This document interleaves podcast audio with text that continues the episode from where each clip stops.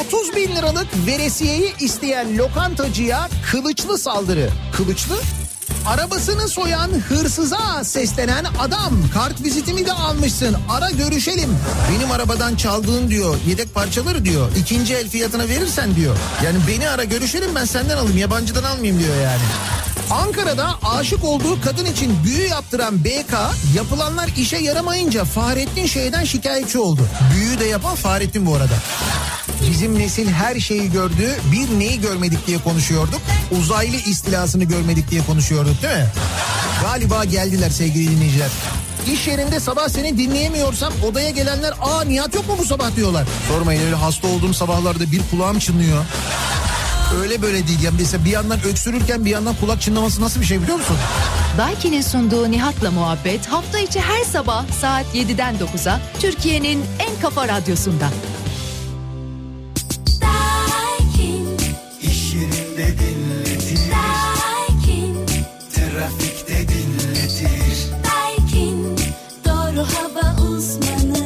Daiki'nin sunduğu Nihat'la muhabbet başlıyor.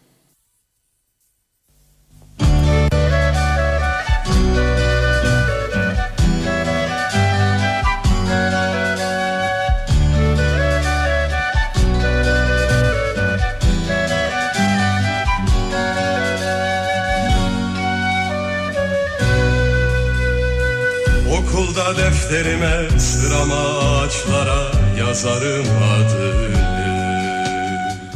Okunmuş yapraklara bembeyaz sayfalara yazarım adını. Yaldızlı imgelere toplara tüfeklere kralların tacına. En güzel gecelere günün ak ekmeğine yazarım adını. Tarlalara ve ufka kuşların kanadına Gölgede değirmene yazarım Uyanmış patikaya serilip giden yola Hınca hınç meydanlara adını Ey özgürlük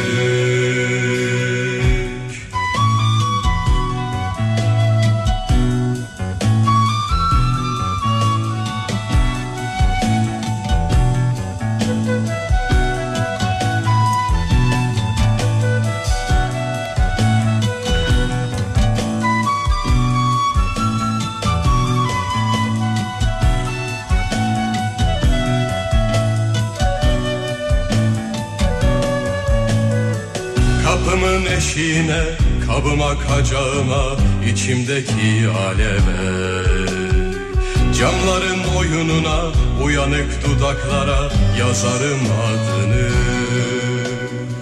Yıkılmış evlerime, sönmüş fenerlerime, derdimin duvarına.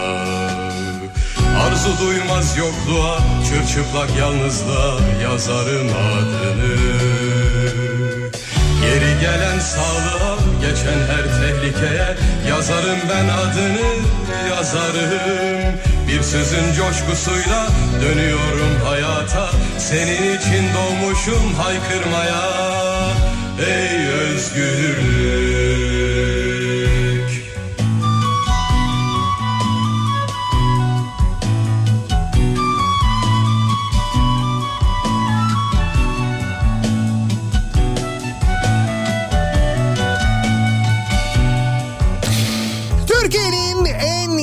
Radyosundan, kafa radyodan hepinize günaydın. Yeni günün sabahındayız. Günlerden salı tarih 1 Eylül.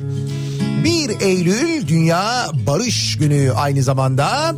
Dünya Barış Günü'ne özgürlük diyerek başlayalım istedim. Gün içinde bol bol mırıldanalım diye en azından özgürlüğü en azından böyle tekrarlayalım, söyleyelim diye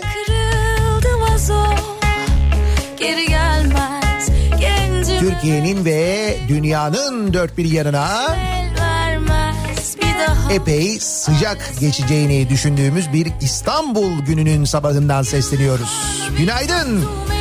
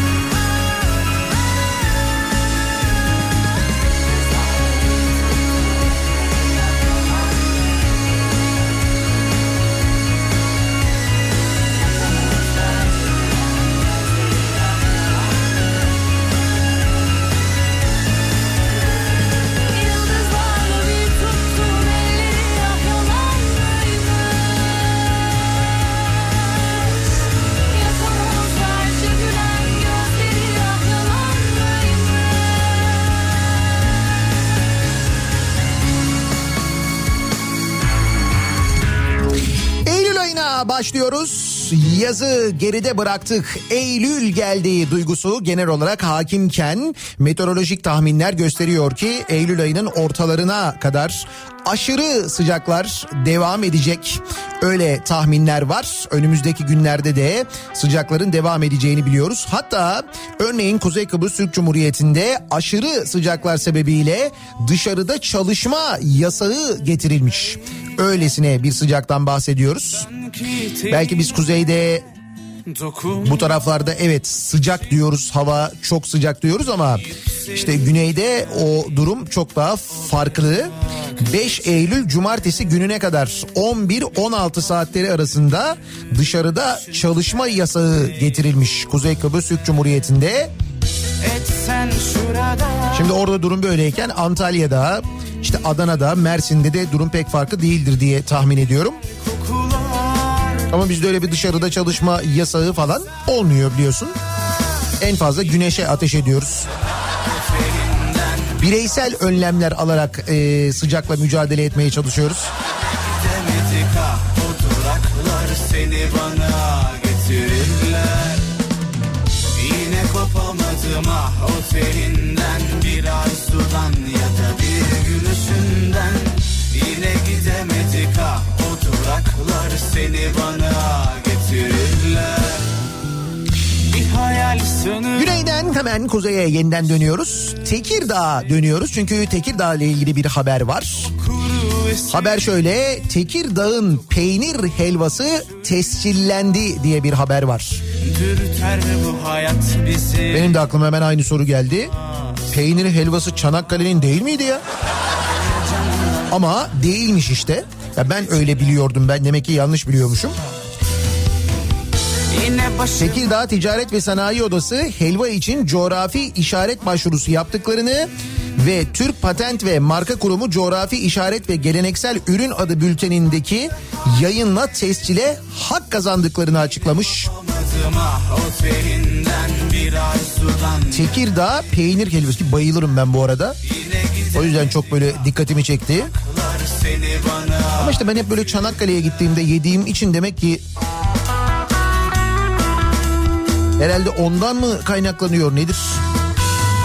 Hep böyle Çanakkale'nin diye düşünüyordum. Meğer Tekirdağ'ınmış. Ya da bilemiyorum Tekirdağ'ın böyle bir iddiası varmış ya coğrafi işareti almış. Çanakkale acaba bu duruma ne diyecek? Ben sana şöyle söyleyeyim. Çanakkale'de şöyle dediler. Olur be ya. Ne olacak? Yine kopamadım ah o telinden bir arzudan ya da bir gülüşünden Yine gidemedik ah o duraklar seni bana Tekirdağ peynir helvasının hastalıktan ari bölgede doğal ortamda yetişen hayvanların sütünden üretilen tuzsuz peynirden ve maharetli ustalar tarafından özenle hazırlandığı vurgulanmış. Arkadaş anlatırken tadı geldi biliyor musun? Şimdi sabah sabah biraz ters geliyor olabilir ama gurur duydum biliyor musun? Haber uçtu devlete de beş yıl yattım hapiste. Haber uçtu devlete de beş yıl yattım hapiste. Yedi düvel zindanından beterdir yedi kule.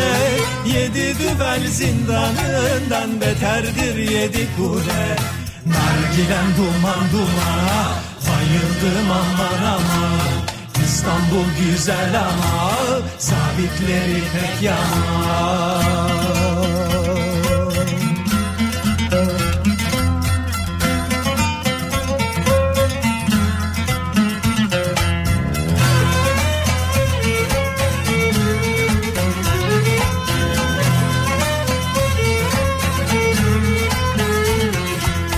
Beş yıl bana yaraştı da nargilem buna şaştı Beş yıl bana yaraştı da nargilem buna şaştı. Her gün çizdim usturamla bağlamam doldu taştı. Her gün çizdim usturamla bağlamam doldu taştı. Sarmacı garam yanar çekerim arar Tekkimiz güzel ama haber uçuranlar var. Yine son derece yoğun gündemi olan bir güne birlikte başladığımızı söyleyebiliriz. Şimdi Tekirdağ haberinden sonra Tekirdağlıları mutlu ettiğini de görüyoruz bu arada gelen mesajlardan anlaşılıyor. Bugün o zaman mutlaka öğle yemeğinden sonra ya da akşam yemeğine bir yenilir peynir helvası diyorlar ne güzel. Şimdi bu güzel bir haber. Hemen buradan e, geçtiğimiz haftaların bir başka e, güzel haberi daha doğrusu müjde olarak verilen haberi vardı hatırlayacaksınız. Neydi o büyük müjde? İşte Karadeniz'de doğal gaz bulduk, doğal gaz kaynağı bulduk haberi. Gümüştendir gümüşten. Ki bizde hemen bir erken seçim hissi uyandırması doğal refleksimiz bizim çünkü biz yıllarca öyle haberlerin e, seçimlerden önce gelmesine çok alışmış bir milletiz. Şimdi bu doğal gazı çıkarma maliyetinin faturalara yansıyabileceği ile ilgili bir haberle yeniden e, kendimize geliyor olmamız da ayrıca mutluluk verici. Evet doğal gazı çıkarma maliyeti faturalara yansıyabilirmiş sevgili dinleyiciler. Ee, böyle bir bilgi var. Ben zaten işin ucunun muhakkak öyle ya da böyle bize dokunacağına emindim de... Hani böyle faturalar azalır biz daha ucuzda doğalgaz kullanırız falan ondan zaten pek ümidim yok da. Bir de işin ucunda o doğalgazı çıkarmak için ne kadardan bahsediliyordu? 3 milyar dolar mı 5 milyar dolar mı öyle paradan bahsediliyordu. Yani o kaynağı çıkarmak için de bir kaynağa ihtiyaç var onu biliyoruz. Dolayısıyla kaynağın neresi olduğunu ya da kaynağın kim olduğunu zaten bildiğimiz için sıkıntı yok.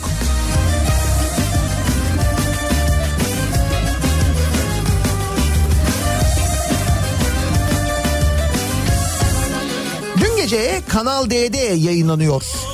Kanal D'de özellikle altını çizerek söylüyorum. Kanal D'de bir Harry Potter filmi yayınlanıyor. Şimdi bu aralar e, henüz yeni diziler ya da işte daha önce yayınlanan diziler yeniden yayına başlamadığı için çekimleri yavaş yavaş sürdüğü için bu dönemde pandemi döneminde özellikle işte böyle eski e, eski demeyeyim ama yani işte filmler sinema filmleri tekrar tekrar yayınlanan Türk filmleri Genelde süreleri uzun olduğu için tercih edilen işte Harry Potter gibi Yüzüklerin Efendisi gibi kimi seriler televizyon kanalları tarafından tercih ediliyor. İşte onlardan bir tanesi bu Harry Potter filmi dün gece Kanal D'de yayınlanıyor. Şimdi Harry Potter deyince aklınıza ne geliyor? Yani Harry Potter deyince aklımıza ne geliyor? Harry Potter e, bu, bu bir zaten işte bir hani e, kurgu bir çocuk romanı aslında. O çocuk romanının sinemaya uyarlanması işte büyücülük okuluna gidiyor değil mi? Harry Potter. İşte onu biliyoruz mesela. İlk o işte bir büyücülük okulundan böyle bir mektup geliyor. İşte annesi babası ölmüş onu biliyoruz. O işte okula gidiyor orada işte büyücülük öğreniyor falan filan. Şimdi bu filmi yayınlıyor. Ya bu filmin e, bir, bir bölümünü devamlarından birini Harry Potter ve Melez Prens e, filmini yayınlıyor dün akşam Kanal Ve bu film yani büyücülük okulunda geçen Harry Potter filminin içinde geçen büyü kelimesini sansürlüyor Kanal D. Büyü kelimesini sansürlüyor büyü. Ya büyünün üzerine bir basıyorlar yani. Lan niye? Hayır madem sansürleyeceksin o zaman büyü filmi niye iniyorsun? Neden yani filmin ana teması bu zaten. Hakikaten bu neyin kafası mesela? Yani nedir? Nasıl bir ihtimal? Nasıl bir düşünce? Aşkın yok şiiri. Sakın sen dört dörtlük olma. Kızların hepsi deli. Boşuna ya da mesela bu filmin yayınına karar verenler e, Kanal D'de bu, bu karardan önce ne içiyorlar? Hani anlaşılır şey değil ya. Bir de Kanal D bu he. Gerçi artık tabii benimki de laf. Kanal D Hürriyet falan CNN Türk biliyoruz. Ah ordu Aşk mevsimin çok soldu. Keşke devran dönse Ama vakit geç oldu. Boşuna uğraşıp durma Aşkın yok ki dili Sakın ha sen zahmete Nihat Bey o da bir şey mi? Kara Murat Fatih'in Fedaisi filmi vardı. Pazar gece yarısı. Kara Murat Fatih'in Fedaisi orada neyi sansürlediler ki? Şarap mı sansürlediler öyle bir şey mi vardı acaba? Orada kazıklı Voyvoda'nın kazığını sansürlediler. Bir de Cüneyt Arkın'ın asılma sahnesini. Kazıklı Voyvoda'nın kazığını mı sansürlediler?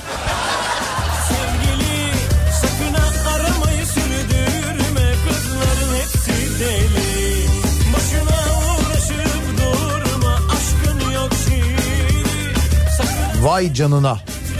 Değil mi? Geldiğimiz noktaya bak.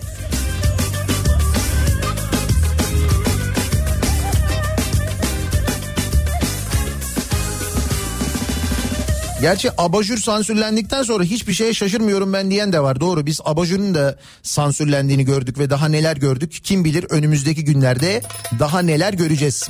Öyle bir dönemden geçiyoruz ki bu sansür meselesinin dışında söylüyorum. Pandemiden bahsediyorum. Maalesef e, durum çok kötü. Gelen haberler de kötü. Nitekim dün Sağlık Bakanlığı açıkladığı verilerde artık vaka sayısında 1500'ü geçtik.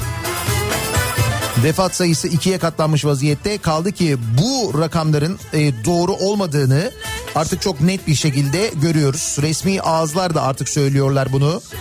Ya diyorlar ki e, Sağlık Bakanlığı işte mesela 20 açıklıyor e, vefat sayısını 22 sadece Ankara'da o gün 17 kişi hayatını kaybetmişti diye Ankara Belediye Başkanı açıklıyor mesela oradan biliyoruz.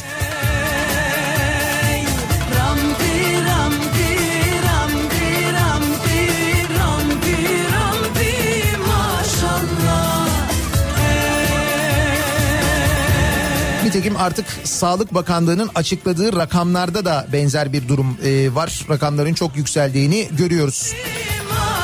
İş bu nedenle e, bazı iş yerlerinde ki bir kere kamuda da uzaktan çalışmaya yeniden dönüldü biliyorsunuz. Bugün itibariyle kimi büyük bankalarda da aynı şekilde yine azaltılmış personelle uzaktan çalışmaya yeniden geçilmiş vaziyette bu yönde önlemler alınmaya başlıyor. O sırada bakın neler oluyor. Bodrum'un en ünlü mekanları teker teker mühürlenmiş. İlçede 30 mekan koronavirüs tedbirlerine uyulmayınca mühürlenmiş. Yaklaşık 1 milyon lira ceza kesilmiş. 25 bin iş yeri uyarılmış. 16 işletme süresiz mühürlenirken 11 iş yeri 4 günlüğüne 3 iş yeri 15 günlüğüne mühürlenmiş. Bodrum'da durum bu. Nitekim e, sahil bölgelerinden tatil yörelerinden gelen görüntüler özellikle hafta sonu gelen görüntüler çok fena. Evet sıcaklıklar yükseldi insanlar bunalıyorlar. Ancak e, denize girmek bu kadar elzem bir şey midir?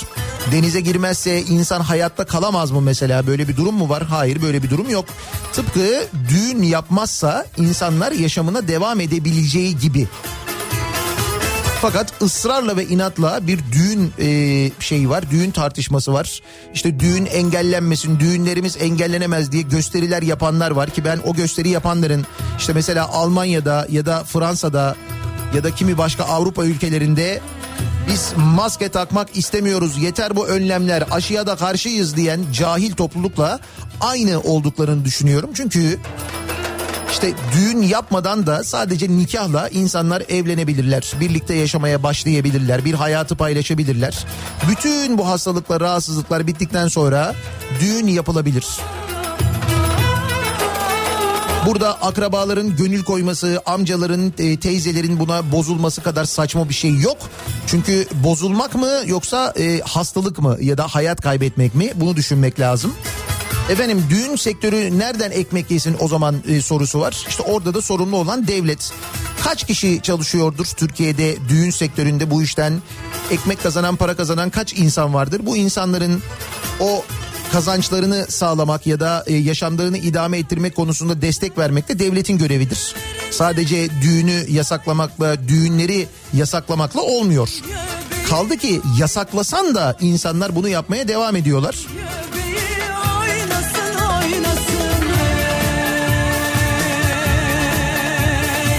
Şimdi mesela bu düğünlere süre sınırlaması getirildi. Yasak getirilmedi. Düğünler deniyor ki işte en fazla iki saat olacak. İşte oynanmayacak, e, mesafe kuralına uyulacak falan deniyor. Öyle olmuyor, yapılmıyor.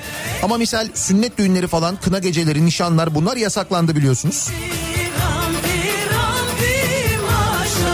Ama bu yasağa rağmen e, İzmir'de, İzmir'in Ödemiş ilçesinde sünnet düğünü yapılmış. Bak ısrarla ve inatla sünnet düğünü yapılıyor. Bu sünnet düğünü yapmakla kalınmıyor. Bir de üstüne düğün konvoyu oluşturuluyor. Sünnet düğünü konvoyu. Ve bu konvoyda havaya ateş açılıyor. Evinin balkonunda oturan 5 yaşındaki Neriman Bulut yaralanıyor. 8 kişi gözaltına alınıyor. Ne kadar önemli bir pipiymiş arkadaş yani. Yani şu hastalık döneminde, salgın döneminde kendinizi, etrafınızı, akrabanızı, çocuklarınızı aynı şekilde hasta edebileceğiniz gibi belki onların işte entübe olmasına, yoğun bakıma yatmasına, belki hayatını kaybetmesine sebep olmak gibi bir risk varken bu ne kadar önemliymiş ya. Bir de üstelik günahsız bir çocuğu yaralamışlar. Yetmemiş bu kadar düğün, havaya ateş açmışlar bir de. Bu kadar cahiller yani. Şimdi bu mu mesela elzem yani bu mu kutlayıp yapmayalım mı çocuğumuzun sünnetine yapma kardeşim. Git çocuğunun sünnetini yaptır düğününü seneye yap yani ne olur. Rampi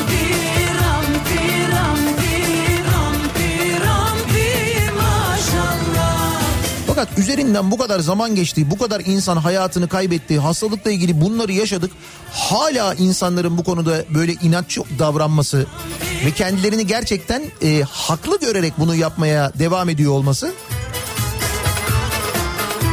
Ondan sonra soruyoruz işte Kanal D'de nasıl oluyor bu sansür? Ha böyle oluyor işte. Bu düğünü yapanlardan bir tanesi orada çalışıyor. Kesin yani.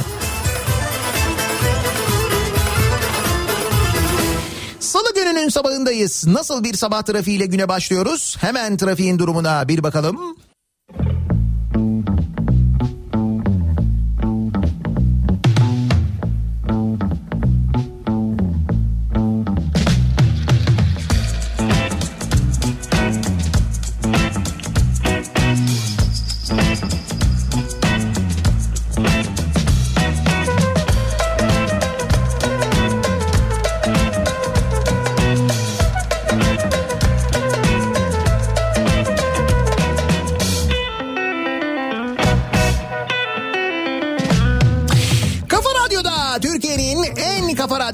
Devam ediyor. Daiki'nin sonunda Nihat'la muhabbet. Ben Nihat Sırdar'la. Salı gününün sabahındayız.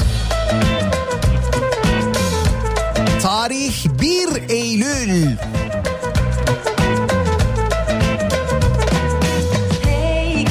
Parola vatan. Parola vatan. Bakınız parola vatan bu kez ne de kullanılmış? Bir dolandırıcılıkta kullanılmış parola vatan. Ancak bu kez dolandırıcılar, hırsızlar eee, baltayı taşa vurmuşlar. Antalya'da kendilerini binbaşı ve yüzbaşı diye tanıtan telefon dolandırıcıları bakınız şimdi bu yönteme geçmişler. Savcı, işte hakim, polis, başkomiser, emniyet müdürü falan diye tanıtıyorlardı. Şimdi kendilerini binbaşı ve yüzbaşı diye tanıtan telefon dolandırıcıları radyo istasyonu sahibi gazeteci Sedat Manav'ı vatan parolasıyla dolandırmaya çalışmış. Radyocuyu dolandırmak demek ki o kadar kolay değil. Büyük konuşmayalım da biz. Manavgat'ta iki radyo istasyonu sahibi olan gazeteci Sedat Manav'ın iş yerini telefonla arayan şüpheliler kendilerini binbaşı ve yüzbaşı olarak tanıtıp adının bir altın hırsızlığına karıştığını, savcılığın kararıyla evde arama yapacaklarını, evde silah ve ziynet eşyası varsa kendilerine bildirmesi gerektiğini söylemiş. Altın hırsızlığı yapılmış, evde arama yapacak ama yüzbaşı ile binbaşı arıyor. Ne alaka? Lan bir kere mantıksız. Telefondaki kişilerin dolandırıcı olduğunu anlayan Manav'da şüphelilere adının Mehmet Atmaca yaşının da 65 olduğunu söyleyerek evde bir miktar para ve yaklaşık 1 kilo altın olduğunu anlatmış. Bak. Başka bir telefondan polisi arayan Manav şüphelilere ev adresi olarak da iş yerinin karşısındaki binanın adresini vermiş. Beyaz bir minibüsle verilen adrese gelen şüphelilerden biri polis tarafından yakalanmış. Sinan K olduğu belirlenen şüpheli polise telefonda hipnoz edildiğini ve hipnozun etkisiyle ne yaptığını bilmediğini şokta olduğunu söylemiş. Ama bu arada bu altınları almaya gelen dolandırıcı şokta olan. Karşı taraf değil yani. Sonra ikinci şüpheli de yakalanmış.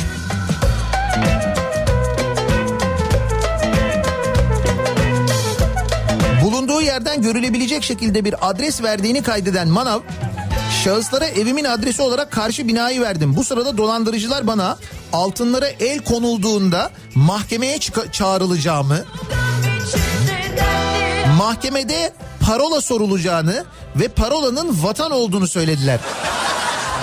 Bak yüzbaşı ile binbaşı arıyor. Diyor ki altın hırsızlığına karışmışsınız diyor. Evdeki diyor bütün altınları bize verin diyor. Sonra diyor sizi diyor mahkemeye çağıracaklar diyor. Mahkemede parola diyecekler siz de vatan diyeceksiniz diyor. Bunu yiyen var mı ya? Yani şu yöntemi. Hatta diyor benimle dalga geçer gibi birkaç defa parolayı bana tekrar etti- ettirdiler. Parola ne? Vatan. Parola ne? Vatan. Parola. Bravo.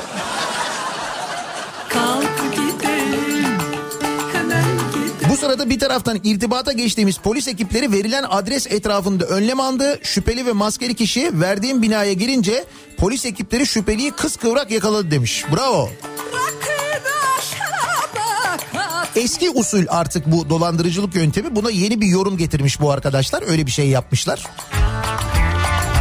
Halbuki bak hırsızlar günün e, ihtiyaçlarına göre kendilerini güncelleyebiliyorlar. E, kaçakçılar, hırsızlar, dolandırıcılar.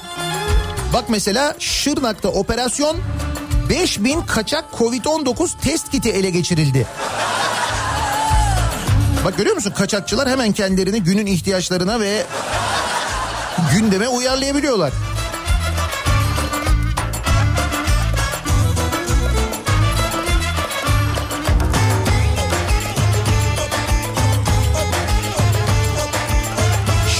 Şırnak'ta gümrük kaçağı 5000 Covid-19 test kiti ele geçirildi. Valinin açıklamasına göre operasyonlarda 37.68 gram metamfetamin, 4.73 gram kenevir, işte eroin, kokain güm ve gümrük kaçağı 5000 Covid-19 test kiti. Hemen gidelim 420 paket kaçak sigara, 246 cep telefonu, 21 kilo tütün ve sahte dolar ele geçirildi. Menüye bak ya. Adamların e, skala çok geniş. Kaçakçıların.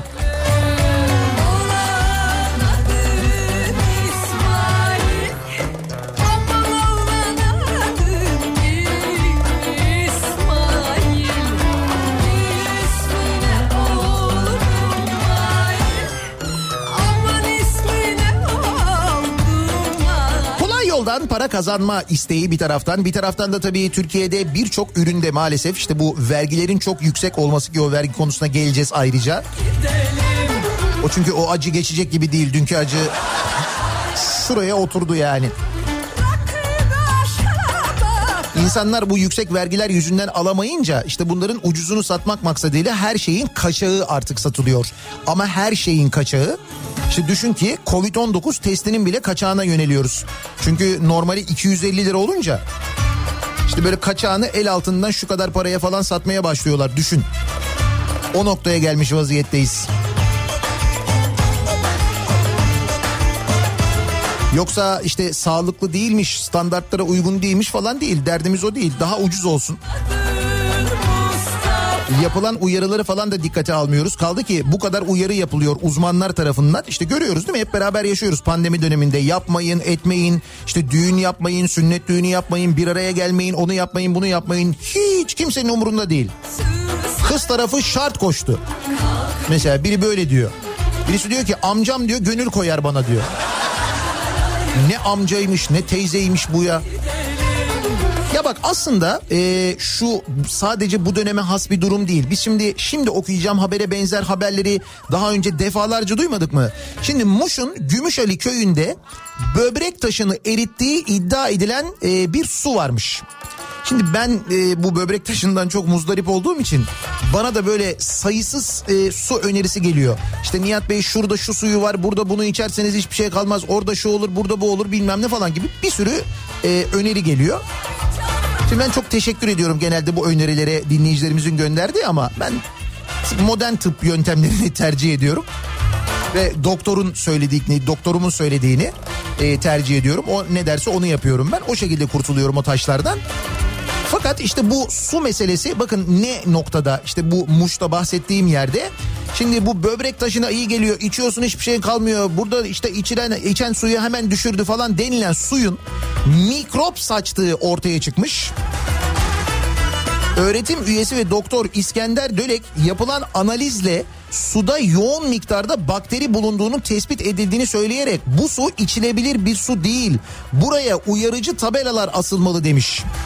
Kent merkezine 40 kilometre uzaklıktaki Gümüşali köyünde çıkan suyun böbrek taşına iyi geldiği iddia edilmiş. Bunu duyan bölge halkı da köye akın etmiş bidonlara doldurdukları suları evlerine götürmüş. Ancak e, Muş Alparslan Üniversitesi Afet Yönetim Uygulama ve Araştırma Merkezi Müdürü e, Doktor İskender Dölek de geçen Haziran ayında suyla ilgili çalışma başlatmış. Ayrıca bardaklara yani örnek için aldığı bardaklara doldurduğu suya çakıl büyüklüğünde taşlar atmış. Bazı taşların bir iki dakikada eriyerek yok olduğu gözlenirken bazı taşlarda değişiklik olmamış. Analiz sonuçlanana kadar içmeyin suyu uyarı diye uyarıda bulunmuş sonra analiz sonucu bir çıkmış ki suda yüzde 300 oranında nitrat olduğu belirlenmiş. Gübreden ya da insan atığından kaynaklandığını söylemiş aynı zamanda asla içilebilir bir su değil demiş. Fakat köylü demiş ki bu sudan şifa bulan var kardeşim. Gelsinler içsinler bu suyu diye köylü etrafa yayıyormuş bunu. Nasıl? Elvan elvan memeler. Kavuşamıyor düğmeler. Bugün günlerden salı yarın bir reyhan dalı. Gören maşallah desin digi digi dal dal digi dal dal. Elvan elvan memeler.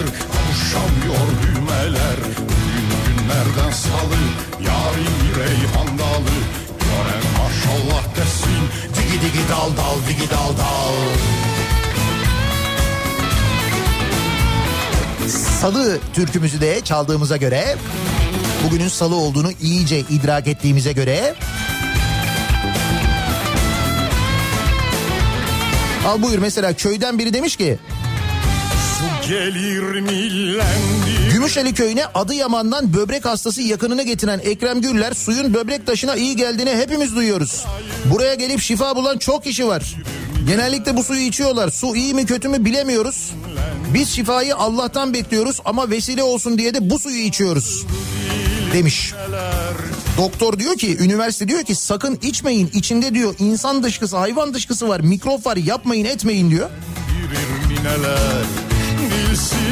Sonra biz bu adama pandemiyi anlatmaya çalışıyoruz. Pandemi diyoruz, bulaşıcı diyoruz, maske tak diyoruz, sosyal mesafe diyoruz buna. Reyhan dalı Gören maşallah desin. Digi digi dal dal digi dal dal. Elvan elvan memeler. 1 Eylül. 1 Eylül aynı zamanda balık sezonunun, balık avı sezonunun, su ürünleri av sezonunun da açılışı. Bugünden itibaren balıkçılar Hatta dün geceden itibaren balıkçılar denizlere açıldılar. Bakalım şimdi önümüzdeki günlerde ne göreceğiz? Özellikle bu pandemi döneminin hani insanların hiç sokağa çıkmadığı, doğanın şöyle bir yavaştan kendine geldiği dönemin bu sene balıkçılığa etkisi olacağı söyleniyor. Öyle diyorlar. Bakalım ne kadar olacak? İşte bu e, su ürünleri av sezonu açılışında Giresun'daymış Cumhurbaşkanı ve Giresun'daki Merkez Balıkçı Barınağı'nda e, bir tören gerçekleştirilmiş. İşte orada Cumhurbaşkanı bir konuşma yapmış. Konuşmanın ardından da Tarım ve Orman Bakanı Bekir Pakdemirli her yıl yapılan mezatı tekrarlamak için Cumhurbaşkanının yanına gelmiş. İşte bir kasa balık ilk mezat orada böyle yapılırmış. O ilk mezatı e, yapmış Cumhurbaşkanı. Giresun'da geçtiğimiz günlerde meydana gelen sel felaketinin ardından yurttaşları destek olmak amacıyla o yani o gelir ona harcanacakmış. 10 bin lirayla başlamış mezat. Balıkçıların ve iş insanlarının bir kasa balığı almak için yarıştığı mezatta kazanan iş insanı Cemil Kazancı olmuş. Ve bir kasa balığa 1.7 milyon lira vermiş. Benim hepsinden 1.7 milyon. Ne balığıymış? Kalkan mı? Yok normal balık. kime ceket kime Yani palamut mu? Uzaktan da çok anlaşılmıyor ne balığı olduğu da. bana Tabii bu fiyatı görünce insan acaba hani balık pahalı mı olacak bu sezon diye bir düşünüyor ama. kime ceket kime Neyse gazeteciler yanına gitmişler demişler ki tebrik ediyoruz bir kasa balığa 1.7 milyon lira verdiniz falan deyince. İş adamı demiş ki öyle mi ya ben ne aldığımın farkında değilim yani hayırlı uğurlu olsun demiş. 1.7 milyonu almış ama ne aldığının farkında değil. Tabii yardım maksatlı güzel bir şey de yine de en azından balık olduğunu bilseymiş. Hayat sanki bir rüya Bıktım usandım senden Sen yalancı dünya Her şeyin Sağlık çalışanları büyük bir özveriyle hatta bu aralar bence çok daha büyük özveriyle o alkışladığımız zamanlardakinden çok çok daha büyük bir özveriyle çalışıyorlar. Hakları yeteri kadar teslim ediliyor mu onlara? Bence edilmiyor. O sağlık çalışanlarından bir tanesi sosyal medya üzerinden ki kendisi Ankara Şehir Hastanesi'nde görevli Büşra Hemşire. Sosyal medya hesabı üzerinden Ankara Büyükşehir Belediye Başkanı Mansur Yavaş'a bir mesaj atıyor. Diyor ki başkanım bana bir tabak aşure gönderebilir misiniz diyor. Belediye başkanına yazıyor. Bak düşün bir önceki belediye başkanının neler yaşadığını düşün, neler yazdığını düşün. Bu belediye başkanından sağlık çalışanları aşure istiyorlar. Ötekinden böyle bir şey istesen sana büyük harflerle.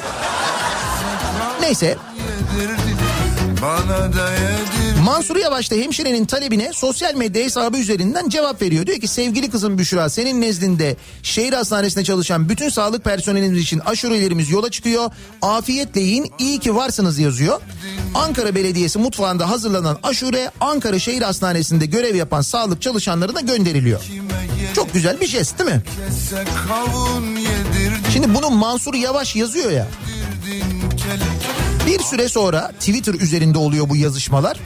S. Kaan Altınok isimli bir kullanıcı Mansur Yavaş'ın tweetini alıntılayarak şöyle yazıyor. Bakın aynen yazılanı okuyorum. Sevgili kızın Büşra'yı hoplatacağız yakında. Şimdi Mansur Yavaş'a yazdı ya Mansur Yavaş e, işte CHP'den girdi seçime ve kazandı ya artık e, Ankara Belediyesi AKP'nin değil ya.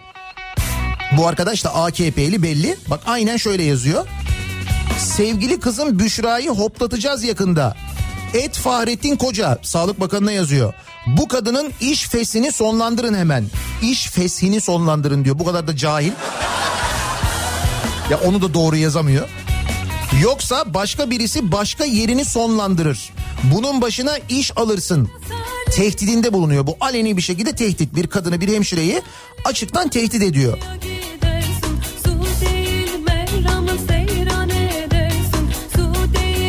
Yaşanan olayın ardından söz konusu paylaşımı yapan kişinin gözaltına alındığı bildirildi. Şimdi bu e, tehdit bir e, mesela AKP'li bir kadına yapılsa ne olacağını biliyoruz değil mi? Yani bir kere bu kadar sürmez gözaltına alınması falan hemen alınır da. Yani böyle üzerinden bir gün geçmez yani.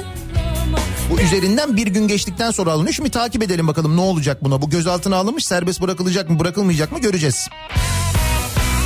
Ama dediğim gibi aynı hakareti aynı tehdidi bir başkasına yapsaydı ne olurdu? Onu da biliyoruz değil mi? Yani adalet mekanizmasının Türkiye'de kime göre neye göre nasıl çalıştığını zaten biliyoruz değil mi? Umalım da öyle olmasın. Şimdi göreceğiz takip edeceğiz. Bu arada Sağlık Bakanlığı demişken e, 1.1 milyon liraya Covid-19 anketi yaptırıyormuş Sağlık Bakanlığı. Sağlık Bakanlığı toplumun koronavirüsle ilgili algısını ve davranış düzeyini araştırmak için anket yaptıracakmış. Anket ihalesini 1 milyon 100 bin liraya salgın sürecinde Bakan Koca ve bakanlığı başarılı gösteren anketleriyle bilinen Genar araştırma şirketi almış. 1.1 milyon lira güzel yani değil mi? İyi para yani 1.1 milyon. Bu arada sağlık çalışanları istifa ediyorlar. İmkanların yeterli olmadığını söylüyorlar. Kendilerine kıymet verilmediğini söylüyorlar. Biz onlara bir şey yapmayıp 1.1 milyon liraya araştırma yaptırtıyoruz. Bir de Genar araştırma şirketine yaptırıyoruz.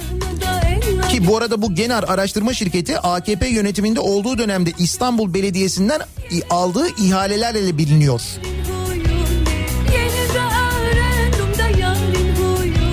Mesela İSKİ Genel Müdürlüğü'nün kurumsal itibar ve algı araştırması ihalesini almışlar. Sonra e, belediye bilgi teknolojileri iletişim araştırması ihalesini almış. Güzel bu itibar araştırmaları falan iyiymiş yani.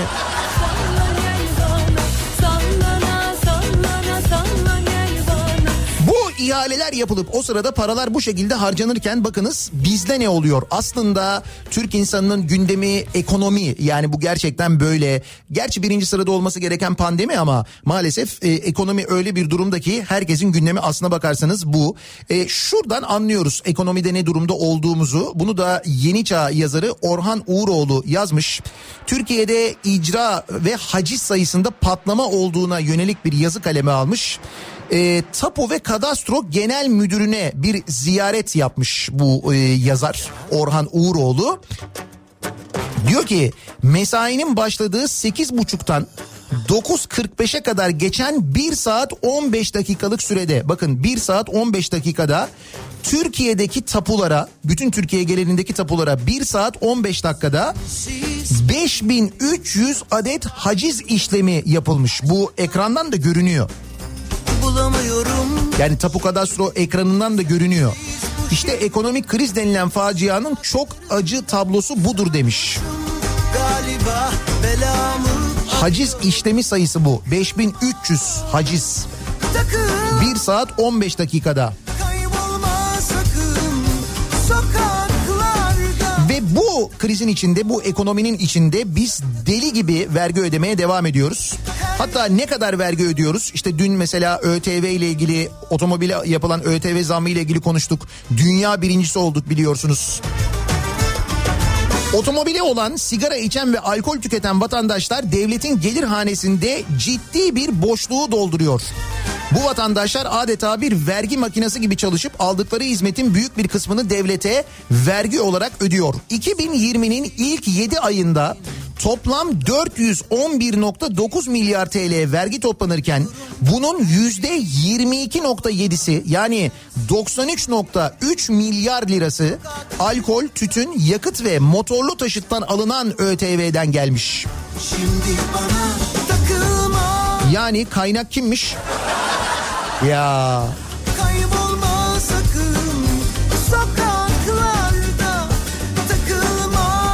Vergi uzmanı Ozan Bingöl, OECD üyesi ülkeler arasında ÖTV gelirinin milli gelire oranında Türkiye'nin %4.5'lik oranla birinci sırada yer aldığını belirtmiş. OECD'de burada birinciyiz. Doçent Doktor Baki Demirel de parasal genişlemenin kur ve enflasyon üzerindeki baskısını azaltmak için otomotiv dışında başka sektörlere de vergi artışlarının gündeme gelebileceğine dikkat çekmiş. Geliyor. Ben de öyle hissediyorum zaten de. Şimdi hal böyle olunca otomobille ilgili konuştuğumuz için söylüyorum. Dün ÖTV artışıyla ilgili konuştuğumuz için artık otomobil almayı sıfır kilometre otomobil almanın hayale e, dönüştüğünü dün konuşuyorduk hatırlarsanız. İşte bakın Türkiye'deki araç parkıyla ve satılan araçlarla ilgili de şöyle önemli bir bilgi var. Son ÖTV artışlarıyla vatandaşın sıfır otomobil alması iyice zorlaşırken ikinci elde satılan her 100 otomobilden 52'si 10 yaş ve üzeri otomobillerden oluşuyormuş. Yani sıfır kilometre alamıyoruz. Mesela 1 yaşında, 2 yaşında, 3 yaşında, 5 yaşında da alamıyoruz. 6, 7, 8 yaşında da alamıyoruz. Bak 9 yaşında da alamıyoruz. Aldığımız otomobillerin yüzde 52'si 10 yaş üzeri otomobiller. Sonra diyoruz ki ikinci elde neden fiyatlar bu kadar yükseldi, neden böyle oldu falan diye kendi aramızda konuşuyoruz. İşte bu kadar ilgi olunca tabii haliyle bir de tabii bu rakamları görünce bu fiyatları görünce insan bir sinirleniyor değil mi? Ha, şimdi ona geleceğim. Belki bir dünya birinciliği kadar olmasa da dünyanın en sinirli 6. ülkesi olmuşuz sevgili dinleyiciler. Ki bence burada çok büyük haksızlık var bize. Burada altıncılık hak ettiğimiz bir nokta değil bence. Kesin bir yanlışlık var. Bilmiyorum itiraz mı etsek ne yapsak? Ünlü Alman istatistik platformu Statista'nın yürüttüğü dünyanın en sinirli ülkeleri anketinin sonuçları belli oldu. Türkiye listenin 6. sırasında. Çıkan verilere göre Türkiye'de halk kendini Libya, Pakistan, Çat halkından daha sinirli hissediyor. Altı üstü beş metrelik bezi için Öfke kavramının özellikle Orta Doğu'da en yüksek seviyede olduğu görülmüş. Ee, en sinirli ülke bu arada dünyanın en sinirli ülkesi Ermenistan olarak e, belirlenmiş yüzde 45 oranla. İkinci sırada Irak var, üçüncü sırada İran var. Türkiye 6. sırada. Gerçi mesela birinci yüzde 45 biz yüzde 40'ız. Sarı çizmeli Kapanır yani. Biz sinirlenmemize bakar ya.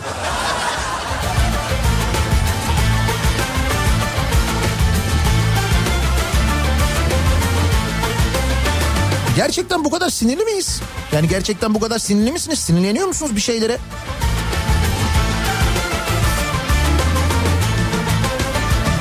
Ya da nelere sinirleniyorsunuz diye sorabiliriz soruyu. Bir ÖTV'de dünya birinciliği kadar olmasa da tabii dünyanın en sinirli 6. ülkesi olmamız dolayısıyla siz sinirli misiniz? Nelere sinirleniyorsunuz diye bu sabah dinleyicilerimize soruyoruz. Öksüz görsen sar kanadın Sinirleniyorum bu sabahın konusu. Yaz dostum Sosyal medya üzerinden yazabilirsiniz, mesajlarınızı gönderebilirsiniz. Sinirleniyorum bu sabahın konusunun başlığı. Twitter üzerinden yazacaklar. Sinirleniyorum başlığıyla yazıp gönderebilirler mesajlarını. Haftaya biri daha nihatetnihatsırdar.com elektronik posta adresimiz buradan yazabilirsiniz. Bir de WhatsApp hattımız var 0532 172 52 32 0532 172 kafa. Buradan da yazabilirsiniz. Bakalım nelere sinirleniyoruz. Dünyanın en sinirli 6. ülkesi olmayı hak ediyor muyuz yoksa hak ettiğimiz yerde değil miyiz? Bunu beraber anlayalım. Yaz dostum Barış söylerken bir bir ders alır mı? Yaz dostum Su üstüne yazı yazsan kalır mı? Yaz dostum Kaldı ki bu sabah verdiğim haberlerde pek sinirlendirmemeye çalıştım dikkat ettiyseniz. Ona rağmen Yaz dostum bakalım nelere sinirleniyor insanlar. Bir ara verelim reklamların ardından yeniden buradayız. Daha 2'nin sonunda Nihat'la muhabbet. Ben Nihat Sırdar'la. Salı gününün sabahındayız. 8'i 5 dakika geçiyor saat. Şimdi C vitamini sinir yapıyor mu, insanları sinirlendiriyor mu tıbbi olarak tam bilemiyorum. Ancak iyi geldiği söylendiği için programımızın bu bölümüne C vitaminiyle başlıyoruz. Dünyanın en sinirli 6. ülkesiymişiz yapılan bir araştırmaya göre Herkes baksın dalgasına Herkes Biz de soruyoruz dinleyicilerimize sizi sinirlendiren neler var? Nelere sinirleniyorsunuz acaba diye soruyoruz. Sinirleniyorum bu sabahın konusu. Düşmanlarım çatlıyormuş Kurban olsunlar gülüşlerime Tutulsun çeneleri Kopsun ağzında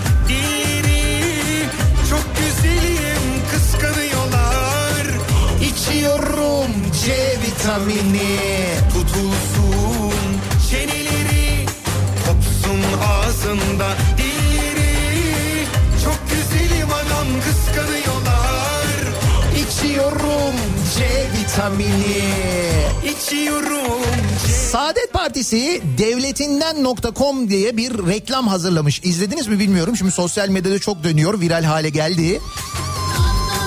E, bu yapılan e, son ÖTV artışından sonra işte otomobilin ne kadarının vergi olduğunu, nasıl bir miktar vergi ödediğimizi anlatan böyle bir film. İşte böyle sahibinden koma göndermeyle devletinden kom diye bir şey yapılmış. Şimdi bunu e, bir WhatsApp grubunda paylaşmış dinleyicimiz de. Diyor ki bizim fırıncılara e, sinirleniyorum. Saadet Partisi'nin devletinden kom konulu reklamını WhatsApp grubunda paylaştım. Kimisi Tofaş'a bin dedi, kimisi her şeye karşı olduğumu söyledi. Şimdi aklını mantığını kaybetmiş adamlarla ne konuşayım ki ben nasıl iş yapayım sinirleniyorum işte diyor. Fazla tıraş cildi bozar Hakikaten neler yazmışlar ya bu ÖTV artışına rağmen yazanlar var yani. Kopsun ağzında dilleri Kaldırımda yürüyen kadının yanından geçerken hayvan gibi frene basıp öküz gibi bakanlara sinirleniyorum. Tutulsun Ve maalesef bunu yapmaya devam edenler var.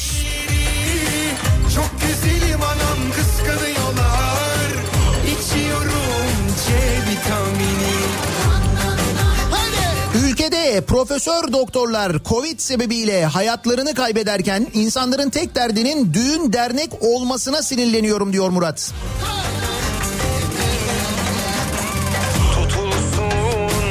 Ne kadar elzem bir şeymiş değil mi düğün? Ne kadar mühim bir şeymiş. Ne kadar önemliymiş o altınların geri gelmesi arkadaş. Yani düşün ki gösteri yapacak kadar bunu protesto edecek kadar yani.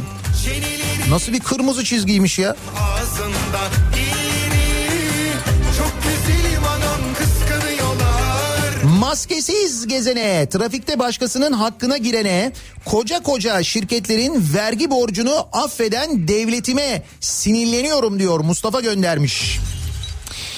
Ee, kadın olduğum için kolay hedef olmaya sinirleniyorum. Ayıptır diyor. Ha bu az önceki e, mesajı hani hemşireye gönderilen Twitter'dan gönderilen mesajı kastediyor dinleyicimiz. Hiç utanması yok mu bu insanların diyor. Yok işte herif yazmış. Bir de Türkçe mülkçe falan da bozuk. Herif diyorum bu arada. Aslında daha ağır kelime de kullanabilirim de herif. En azından kullanabileceğim bir kelime o yüzden onu kullanıyorum. Şimdi gözaltına alınmış bakalım ne olacak göreceğiz. ne tuzak e aman of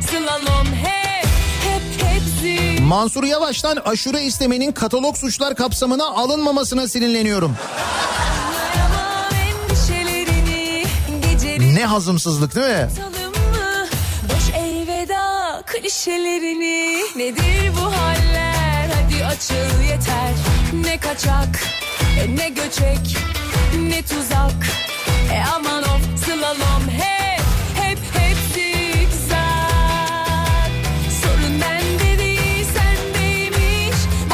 Bu haciz sayısı ile ilgili bir rakam vermiştim ya ben size. Yani evi olanların tapusuna sadece 1 saat 15 dakikada Türkiye genelinde uygulanan haciz sayısı 5300 1 saat 15 dakikada bakın. Şimdi bir icra memuru dinleyicimiz yazmış. Diyor ki tapudaki haciz sayısı sadece gayrimenkulü olan vatandaşlara uygulanan haciz sayısı. Tabii tabii. Yani tapulara konulan hacizlerden bahsediyorum ben. Haciz bakın ipotek değil. Bir icra memuru olarak söylüyorum ki evi arabası olmayan binlerce çok daha fazla vatandaşımız maalesef icralık durumda. Kafanızda netleşmesi amacıyla çok basit bir örnek vereyim. İzmir merkezde 28 tane icra müdürlüğü var. İzmir merkez 28 icra müdürlüğü ve her müdürlükte ortalama 70 bin açık dosya var. Yaklaşık 2 milyon dosya yapar. Sadece merkez bunun ilçe icra müdürlükleri var. 1 milyon dosya daha demek oluyor. Yani bu aslında bütün İzmir neredeyse icralık nüfusa oranlarsak Şimdi gel de bu duruma sinirlenme diyor. Hatırlıyor musunuz? E, Afyonkarahisar'da bir yeni icra müdürlüğü açılıyordu. Onun açılışını yapmıştı devlet erkanı.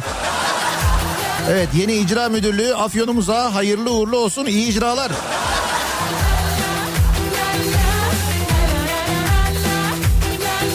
Evet biz bunu da gördük.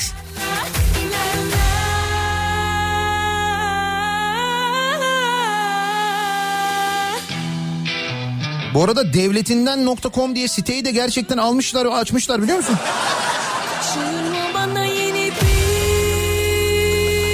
Şey.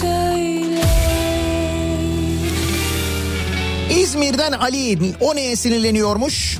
Her akşam küfür ede ede park yeri arayan paşamın bir gün şansı yaver gittiğinde aracını iki otomobillik park etmesine sinirleniyorum.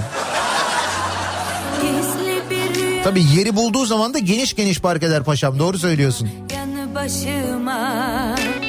Kendinle kavgan Umursamaz şekilde maske takmayanlara çok sinirleniyorum. İmkansız bir sevdan varsa gel yanıma Yanıma yanı başıma Ateşe Portakalın kilosu 14 lira ona sinirleniyorum. Portakal başladı mı ya?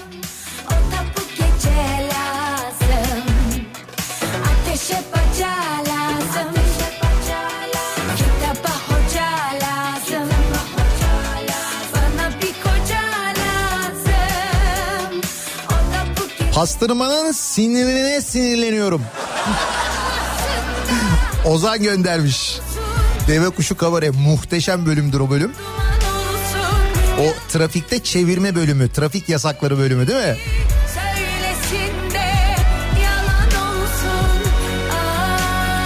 Pandemiden dolayı 30 Ağustos Zafer Bayramı kutlamalarının iptal edilmesine ama sonra mitingler yapılmasına sinirleniyorum demiş bir dinleyicimiz. Bakınız bugün e, gazetelerde yer alan bir haber var. Ondan bahsedeyim ben size. Şimdi e, malum e, bu 30 Ağustos konusunda ve Atatürk konusunda ve Cumhuriyet konusunda genel bir alerji durumu var arkadaşlarda. Siz bakmayın böyle işte öyle bir alerji yok bir şey yok işte biz de kutluyoruz bilmem ne falan dediklerine. Şimdi Balıkesir'den bir örnek vereyim ben size. Şimdi milli bayramları bahane e, üretip katılmıyorlar biliyorsunuz. E, oram ağrıyor buram ağrıyor işte şu oldu bu oldu falan diye. Bulunan her fırsatta zaten bugüne kadar milli bayramların kutlanması e, mümkün olduğunca küçültülmedi mi? Bu hep böyle yapılmadı mı? Yapıldı. Yeri geldi Cumhurbaşkanı seviyesinde yapıldı mesela. Bu oldu biliyoruz. İşte Balıkesir'de e, Balıkesir'in 5 AKP'li vekili ve il başkanı AKP il başkanı Balıkesir ilinin koronayı bahane ediyorlar ve kentteki 30 Ağustos törenine katılmıyorlar sevgili dinleyiciler. 30 Ağustos'taki kutlama törenine ki 30 Ağustos'taki kutlama töreni sosyal mesafeye uygun yapılıyor. Hatta burada bir tane de fotoğraf var. En önde işte şey duruyor. e, Balıkesir valisi duruyor. E, yine sosyal mesafeli ona Balıkesir Büyükşehir Belediye Başkanı, Garnizon Komutanı. Arkada duranlara da bakıyoruz. Hepsi e, arkada duranlar, gaziler var, işte katılanlar var, diğer milletvekilleri falan var. Onların hepsi sosyal mesafeli bir şekilde e, bu törene katılmışlar. Hiçbir sıkıntı yok. Fakat AKP'li vekiller ve AKP il başkanı Balıkesir'deki 30 Ağustos törenine katılmıyor. Niye? Pandemiyi bahane ediyorlar katılmıyorlar. Peki aynı milletvekillerinden bahsediyorum bakın isimlerini de sayacağım şimdi. Aynı milletvekilleri 27 Ağustos günü yani 30 Ağustos'tan 3 gün önce Balıkesir'de bir okulun temel atma törenine katılıyorlar. Ve törene katıldıklarında sosyal mesafe de yok bu. Bu hassaslar ya pandemi konusunda 30 Ağustos törenine katılmayacak kadar pandemi konusunda hassaslar ama bakıyorsun sosyal mesafe sıfır. Yan yana duruyorlar.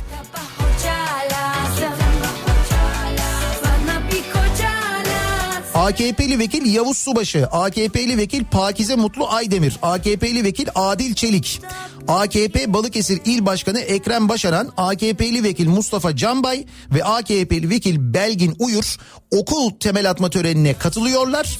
Ancak 3 gün sonraki 30 Ağustos'a pandemi diye katılmıyorlar. Bu arada okulun temel atma törenine de 30 Ağustos'a da katılan bir tane de vekil var. O da Fikret Şahin. O CHP'li vekil. İkisine de katılmış. Fakat bu arkadaşlar ona katılmamışlar. İşte alerji böyle bir şey sevgili dinleyiciler. Geçmiyor. Geçmediği gibi nesilden nesile de aktarılıyor. Dedeler, torunlar böyle devam ediyor alerji. Yanına yaklaşınca ateşe yandım ah. Sönmüyorsa yangın Resul değilim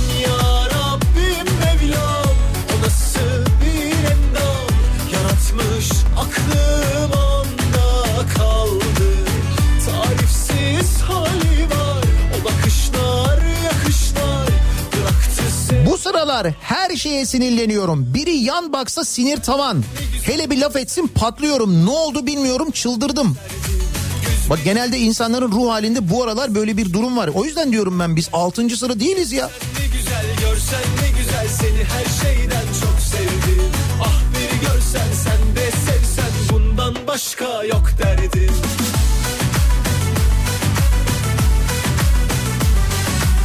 20 kuruşa imal edilen maskenin 1 liraya satılmasına ve 2 saatlik ömrü olan maskenin bütün gün taktırılmasına sinirleniyorum.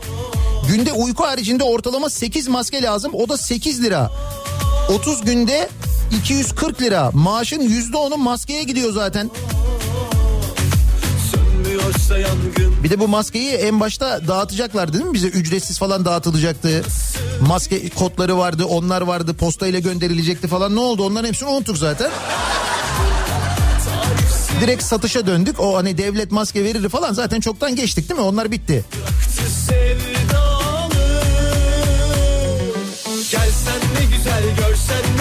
Bir de keşke o aldığımız maskeleri doğru kullanmayı başarabilsek. Bak Didem göndermiş diyor ki bir devlet hastanesinde çalışıyorum ve gelen hastaların maskeyi çenesinde tutmasına ya da burnunu dışarıda bırakacak şekilde yarım yamalak takmasına çok sinirleniyorum. Ben sağlık çalışanı olarak sabahtan akşama kadar maskeyle çalışırken ben de bunalıyorum, ben de terliyorum, ben de zor nefes alıyorum. Altı üstü iki saatlik işleri var hastanede. Bari o iki saat süresince tam taksınlar maskelerini lütfen diyor. Haksız mı şimdi sağlık çalışanı dinleyicimiz? Ki sadece hastaneye gelenler için söylüyorum diyor. Ne güzel bak yollarına gül serdim Güz bitti bize yaz geldi Desen aç kollarını ben geldim Gelsen ne güzel görsen ne güzel Seni her şeyden çok sevdim Ah bir görsen sen de sevsen Bundan başka yok derdim Gelsen ne güzel görsen ne güzel Bak yollarına gül serdim Güz bitti bize yaz geldi Desen aç kollarını ben geldim Nihat Bey bir avukat olarak şunu söylemek isterim ki icra hukuku devletin en büyük gelir kaynaklarından biridir. Tabii ki açılışta e, kurdele kesecekler diyor. He, yani orasını bir icra müdürlüğü gibi değil de böyle bir kaynak gibi görmek lazım. Yani bir nevi doğalgaz bulmuşsun gibi bir şey yani. Örnek vermek gerekirse 1 milyon liralık bir icra e, satışından 138 bin lira toplam harç alınır diyor. Bursa'dan avukat Murat göndermiş. Bil bakalım ben kimim Seni en çok sevecek değilim Aç hadi gönül kapılarını Hele bir içeri girelim Al beni bas bağrına Nihat Bey otobanda ne sıkıntı var? Trafikte sabah sabah sinirleniyoruz. Sinirlenmeyiniz. Hangi otobandan bahsediyorsunuz? İki tarafta da sıkıntı var. Ee, Orhanlı'da Tem'de İzmit İstanbul yönünde Kurtköy sapağına gelmeden devrilen bir tır vardı erken saatte. O sebeple İzmit İstanbul yönü de kötü. Karşı tarafta izleyenler yüzünden İstanbul İzmit yönü de kötü. Avrupa yakasında da Ali Beyköy Hastal yönünde bir kaza var. O sebeple trafik orada fena. Çok Lütfen her zaman trafikte sinirlendirecek bir şey bulabiliyoruz. Orada sıkıntı yok. çok seviyorum çok Kalbimin her yeri sen dolu sevgili İçinde boş yer yok Nihat Bey bırakın ATV'de e, şey arabadaki ÖTV'yi de 3900'lük scooter 6800 lira olmuş. Gel de sinirlenme. Motosiklet fiyatları da acayip arttı değil mi?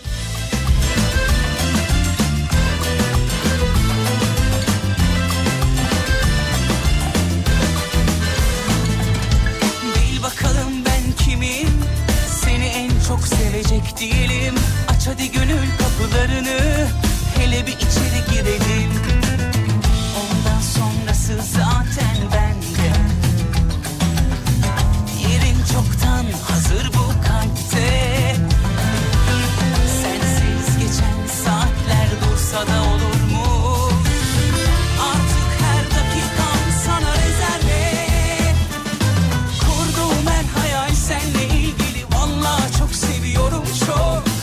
Abi kime sormuşlar bu sinir olayını ya? Adamı sinirlendirmesinler ya. Ben de ona sinirlendim ya. Biz nasıl 6. sırada oluyoruz? Dünyanın en sinirli ülkesi bizizdir diye tahmin ediyordum ben. Her zaman böyle tahmin ediyorum. İşte daha geçen gün mesela beyzbol sopası haberini konuşuyorduk. Adana'da beyzbol sopa şeyi yok. Ee, sahası yok. Beyzbol oynayan yok. Ama Adana'da mesela beyzbol sopası satışlarında rekor kırılıyor. Ama eldiven satışı yok. Top satışı yok. sevgilim İçinde boş yer yok İçimde boş yer yok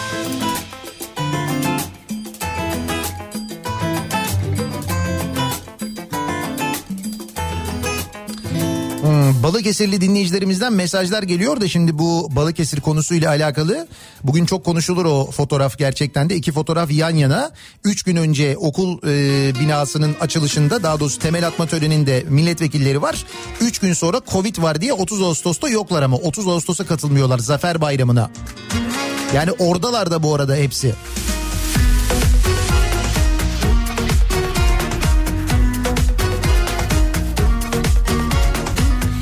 Maaşımda, elektrikte, suda, kullandığım telefonda, telefon faturamda, keyfe keder gitmek istediğim tatil yerinde, çayımda, şekerimde, kısacası aldığım her nefesimde bu kadar verginin olmasına sinirleniyorum. Vergi sinir yapıyor öyle mi? O zaman e, kesin sakinleştirici bir şey, antidepresan. Ha bravo. Mesela 6 6. sıradayız dünyanın en sinirli ülkesinde. Bizim önümüzde 5 tane ülke var. Bir baksınlar bakalım bu 5 ülkenin e, antidepresan kullanım oranına baksınlar. Bir de bize baksınlar. Ben eminim o bizden önceki ülkelerden daha fazla antidepresan kullandığımıza. Yani biz antidepresandan dolayı 6. sırada çıkıyor olabiliriz. Tabii. Kullanmasak kesin birinci sıradayız da. Bu aşktan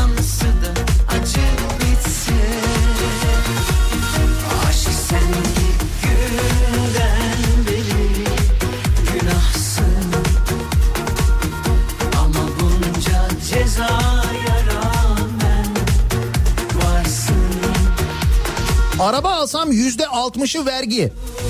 O aldığınız arabaya göre değişiyor tabii. Ama yüzde altmış en iyimserlerinden biri. Olabilir. Arabayı alıp depoyu doldursam yüzde altmış beş vergi. Motorlu taşıtlar vergisini ödesem yüzde yüz vergi. Efkarlandım içeyim desem yüzde seksen vergi. Çok sinirleniyorum.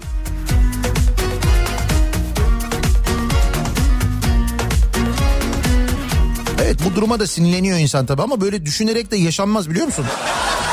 Çünkü elini neye atsan çünkü bir kısmında vergi var. Mümkün değil olmuyor. Güneş yetmemiş bir Pandemi döneminde düğününe gitmediğimiz için küsen arkadaşa tebrik için aradığımda sitem etmesine sinirleniyorum. İşte bunu anlamıyorum ben ya. El ayak çekilmiş kumsaldayız Yeminle çok edepsiz bu mehtap Bazı sağlık kuruluşları 8 Ağustos'tan sonra pozitif sonuçları sisteme girmemiş. Böyle haberlere sinirleniyorum. Böyle bir şey mi varmış?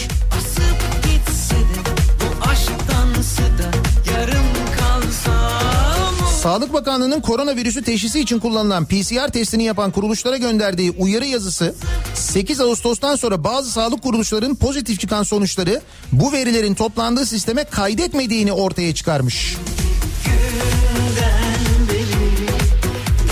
Bakanlık bazı kuruluşların test sonuçlarını sisteme kaydetmediğini bu yüzden pozitif çıkan hastaların tedavisinde ve temaslı oldukları kişilerin filyasyon çalışmalarında aksaklık yaşandığını belirtmiş. Gelmiş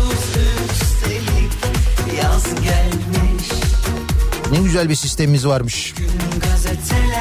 Sonra diyoruz ki bu rakamlar doğru mu değil mi?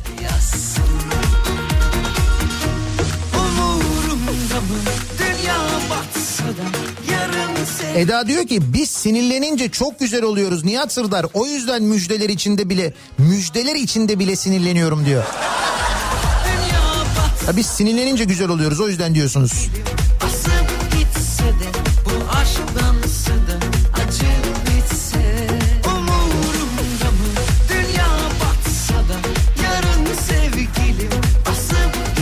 Parasını verip de alamadığımız F-35'i, parasını verip de kuramadığımız S-400'ü, kullanmasak da parasını verdiğimiz en pahalı gazı, geçmesek de garanti ödediğimiz köprüyü, bunları haberlerde gördükçe sinirleniyorum.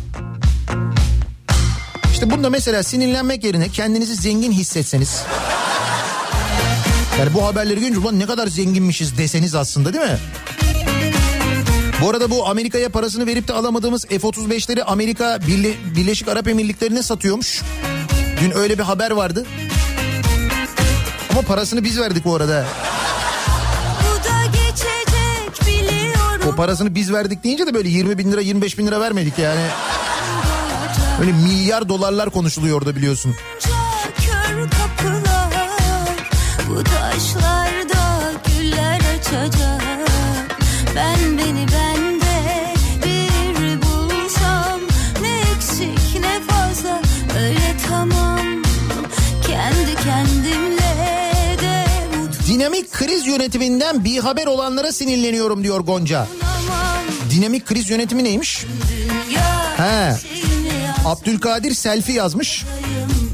Türkiye 9.9 oranında küçüldü diye sevinenler var. Dinamik bir kriz yönetimi uygulandı demiş. Türk ekonomisi e, bu son çeyrekte 9.9 oranında e, küçülmüş. Dün onun haberi vardı da.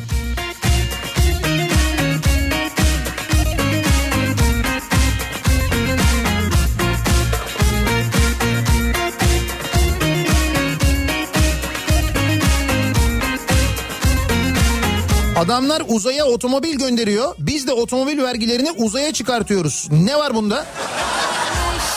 Ha başka bir yol uyguluyoruz biz. Olabilir doğru evet. Kör kapılar Bu taşlarda güller açacak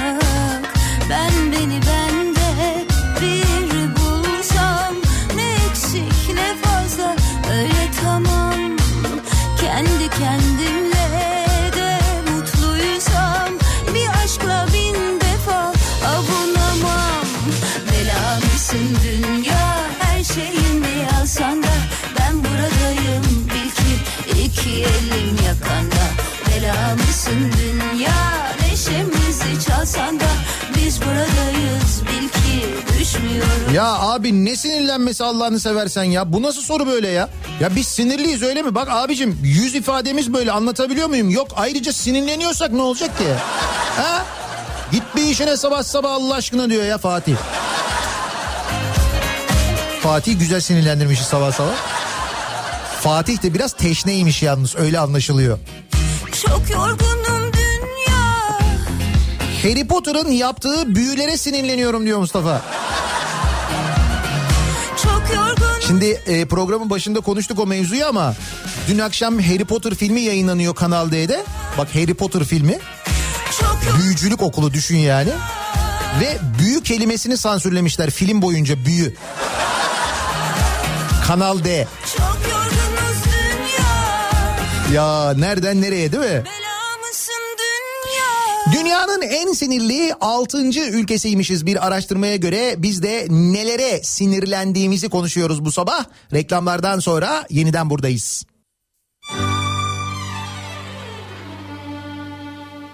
Bugün sen çok gençsin yavrum Hayat, ümit, neşe dolu Mutlu günler vaat ediyor Sana yıllar ömür boyu.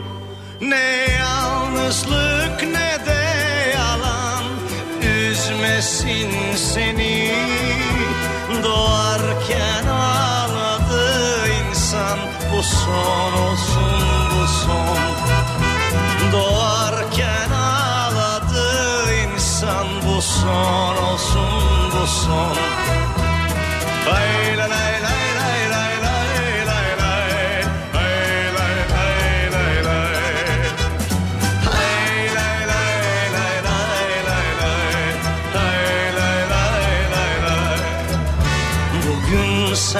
çok gençsin yavrum. Hayat ümit neşe dolu. Mutlu günler vaat ediyor. Sana yıllar ömür boyu. Ne yalnızlık ne de yalan. Üzmesin seni. Doğarken ağladı insan. Bu son olsun bu son Radyo'da Türkiye'nin en kafa radyosunda devam ediyor. Daha 2'nin sonunda Nihat'la muhabbet. Ben Nihat Sırdar'la. Salı gününün sabahındayız. Dünyanın en sinirli 6. ülkesi olduğumuza dair bir araştırma üzerine konuştuk. Dinleyicilerimize nelere sinirlendiğimizi sorduk. Güzel insanların, iyi insanların, yetenekli insanların erkenden bu dünyadan geç, göçüp gitmesine sinirleniyorum her seferinde. Haldun Boysan'ı kaybetmişiz dün kalp krizinden.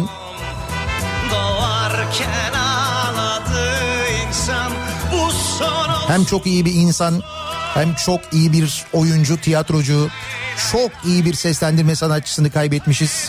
Yakınlarına sabır ve başsağlığı diliyorum. Birazdan Kripto Odası başlayacak. Güçlü Mete Türkiye'nin ve dünyanın gündemini son gelişmeleri sizlere aktaracak. Bu akşam 18 haberlerinden sonra ben yeniden bu mikrofondayım. Tekrar görüşünceye dek hoşçakalın.